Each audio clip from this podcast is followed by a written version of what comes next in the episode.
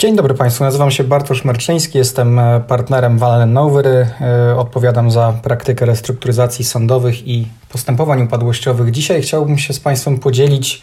przemyśleniami, może nawet trochę spekulacjami na temat tego, jak pandemia koronawirusa wpłynie na wypłacalność przedsiębiorców, ale przede wszystkim na to, jak wpłynie na ich reakcje w zakresie no, takich e, sięgania do narzędzi obrony przed wierzycielami, przed koniecznością natychmiastowego spłacania e, zadłużenia.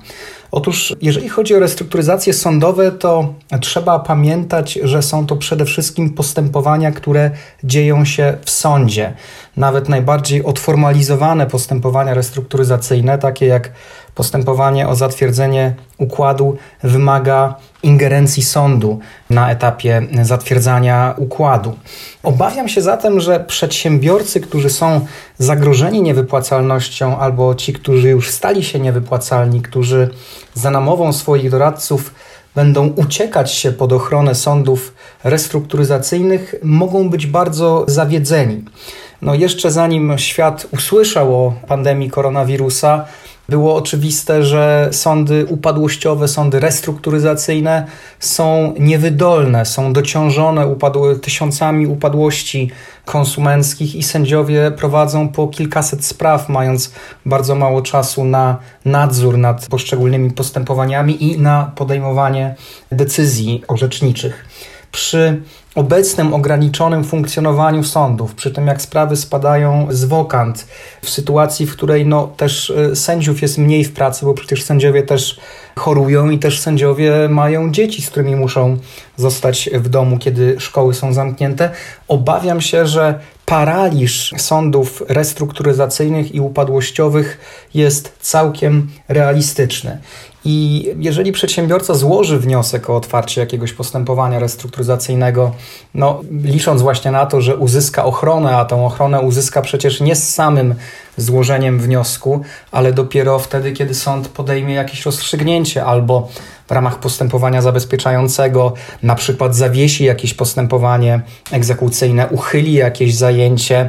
czy wreszcie wyznaczy tymczasowego nadzorcę sądowego, no to to też jest decyzja orzecznicza, którą musi podjąć sędzia w sądzie restrukturyzacyjnym. Wreszcie gro korzyści związanych przede wszystkim z moratorium na spłatę istniejących zobowiązań przedsiębiorca zyskuje dopiero z chwilą otwarcia postępowania i wyznaczenia zarządcy bądź nadzorcy sądowego. No, jeżeli tych czynności sądy nie podejmą, to tej ochrony przedsiębiorcy mieć y, nie będą. Dlatego właśnie obawiam się, że po złożeniu wniosku restrukturyzacyjnego przedsiębiorcy mogą przez dłuższy czas, przez wiele tygodni albo nawet miesięcy czekać na rozstrzygnięcie.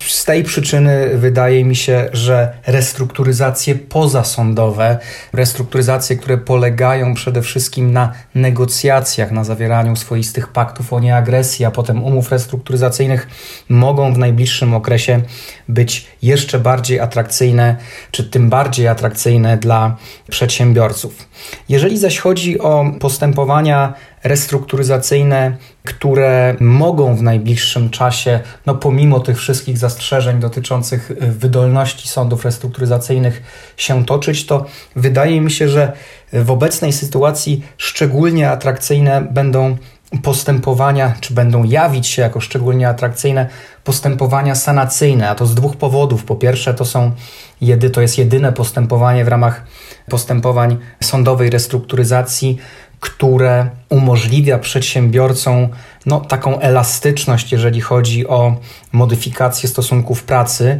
bo trzeba pamiętać, że wszczęcie sanacji daje zarządcy takie same uprawnienia, jakie zyskuje syndyk, jeżeli chodzi o stosunki pracy, czyli o e, skrócenie okresu wypowiedzenia, o wyłączenie pewnych przepisów chroniących szczególne grupy przed rozwiązaniem stosunku pracy, a poza tym, i to jest e, chyba jeszcze bardziej ważki argument, postępowania sanacyjne dają przedsiębiorcom czy dają zarządcom możliwość, tak jak to się nieładnie określa, zrzucania kontraktów, które są niskomarżowe, trudne do wykonania albo takie, które wręcz powodują negatywną marżę. No właśnie w świecie, w którym w tej chwili przedsiębiorcy tracą rynki zbytu z dnia na dzień albo tracą w ramach przerywanych łańcuchów dostaw możliwość wykonywania swoich produktów, odstępowanie od umów i to odstępowanie może nie bezkosztowe, ale prawie bezkosztowe, no bo trzeba pamiętać, że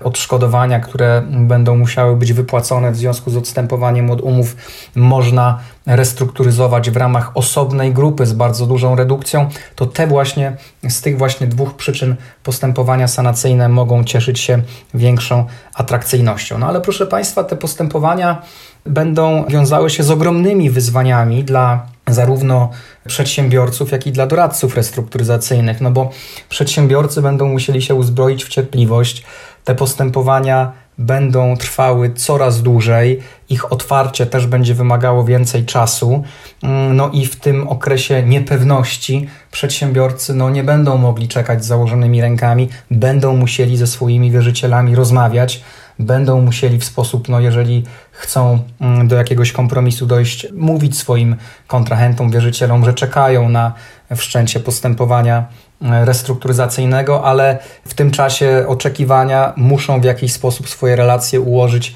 tak, żeby chronić się przed zajęciami, egzekucjami czy po prostu wyścigiem egzekucyjnym poszczególnych wierzycieli. Dla doradców restrukturyzacyjnych to będzie ogromne wyzwanie, przede wszystkim w zakresie tworzenia planów restrukturyzacyjnych. Tutaj przepisy wyznaczają bardzo, bardzo krótkie terminy.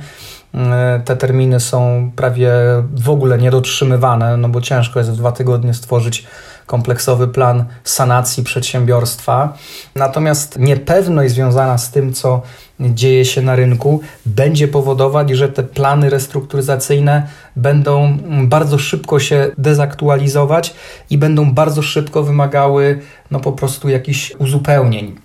Jeżeli chodzi o same postępowanie i ten problem, o którym teraz powiem, dotyczy także postępowań restrukturyzacyjnych w toku, no to wydaje się, że one mogą utknąć w takim martwym punkcie, no bo te problemy związane z dostępnością sędziów mogą spowodować pewien paraliż mm, w funkcjonowaniu przedsiębiorców, no bo przedsiębiorcy, którzy już są osadzeni w danym postępowaniu restrukturyzacyjnym, prowadzą prawie zawsze działalność, no bo chcą wyjść na prostą, chcą porozumieć się z wierzycielami w formie układu, no i handlują, prowadzą działalność, świadczą swoje usługi, ale zdarza się tak, że potrzebują jakiejś decyzji sądu, która umożliwi im dalsze prowadzenie działalności. Mogą potrzebować, szczególnie przedsiębiorcy, którzy są od kilku lat w postępowaniach sanacyjnych, którym kończą się linie kredytowe, którzy potrzebują nowych gwarancji bankowych czy gwarancji ubezpieczeniowych, muszą występować do sędziego komisarza o zgodę na ustanowienie takich zabezpieczeń, o zgodę na ustanowienie, na umożliwienie im zadłużania się bieżącego w ramach nowych linii kredytowych. No, jeżeli sędzia komisarz będzie niedostępny, jeżeli nie będzie wyznaczony jego zastępca, który będzie dostępny, no to oczywiście oczekiwanie na takie, mm, na takie rozstrzygnięcia będzie znacznie dłuższe. Wydaje się, że wszędzie tam, gdzie nie są jeszcze ustanowione rady wierzycieli, w interesie i wierzycieli, i e, dłużników, którzy się restrukturyzują, byłoby ustanowienie rad wierzycieli dlatego że Rada Wierzycieli przejmuje kompetencje sędziego komisarza w zakresie bardzo wielu takich rozstrzygających decyzji i wtedy Rada Wierzycieli mogłaby takie decyzje podejmować. Praktyką jest, że Rady Wierzycieli w swoich regulaminach zawierają postanowienia o możliwości odbywania posiedzeń zdalnie, bez fizycznych spotkań Wtedy przewodniczący po prostu zbiera głosy i po ich zebraniu przesyła je do sędziego komisarza, no i rozstrzygnięcia rady są wówczas prawnie wiążące i podjęte. Proszę Państwa, i na koniec y, refleksja dotycząca apetytu na inwestowanie w obecnych okolicznościach. No, należy się spodziewać, że ten apetyt inwestorów spadnie, a bardzo wiele postępowań restrukturyzacyjnych opiera się na założeniu, że dany przedsiębiorca zostanie dofinansowane przez zewnętrznego inwestora, albo to kapitałowo, albo w formie dłużnej, no ale że jest jakiś zastrzyk gotówki przewidziany z zewnątrz, który spowoduje, że układ stanie się wykonalny na tych warunkach akceptowalnych dla wierzycieli. Bardzo wiele obecnie trwających procesów restrukturyzacyjnych bazuje właśnie na współpracy z inwestorem i dlatego też bardzo wiele tych obecnych postępowań będzie wymagało gruntownej rewizji, właśnie jeżeli chodzi o źródła spłaty wierzycieli. Dla bardzo wielu właścicieli firm czy udziałowców takie strategie nastawione na albo dofinansowanie przez inwestora, albo wręcz takie strategie wyjścia, w którym klucze do biznesu, mówiąc kolokwialnie, przekazywane są inwestorowi, mogą okazać się zwyczajnie mm, no, niemożliwe do zrealizowania i w tych okolicznościach dłużnikom wierzycielom w zasadzie pozostanie niełatwa koabitacja, która będzie wymagała znacznie większej niż dotychczas elastyczności. Proszę Państwa, tyle spekulacji. Obecnie pewna jest tylko niepewność i oczywiście nikt tej niepewności nie lubi, ani przedsiębiorcy, ani tym bardziej inwestorzy, ale wydaje się, że musimy się do tej niepewności przyzwyczaić.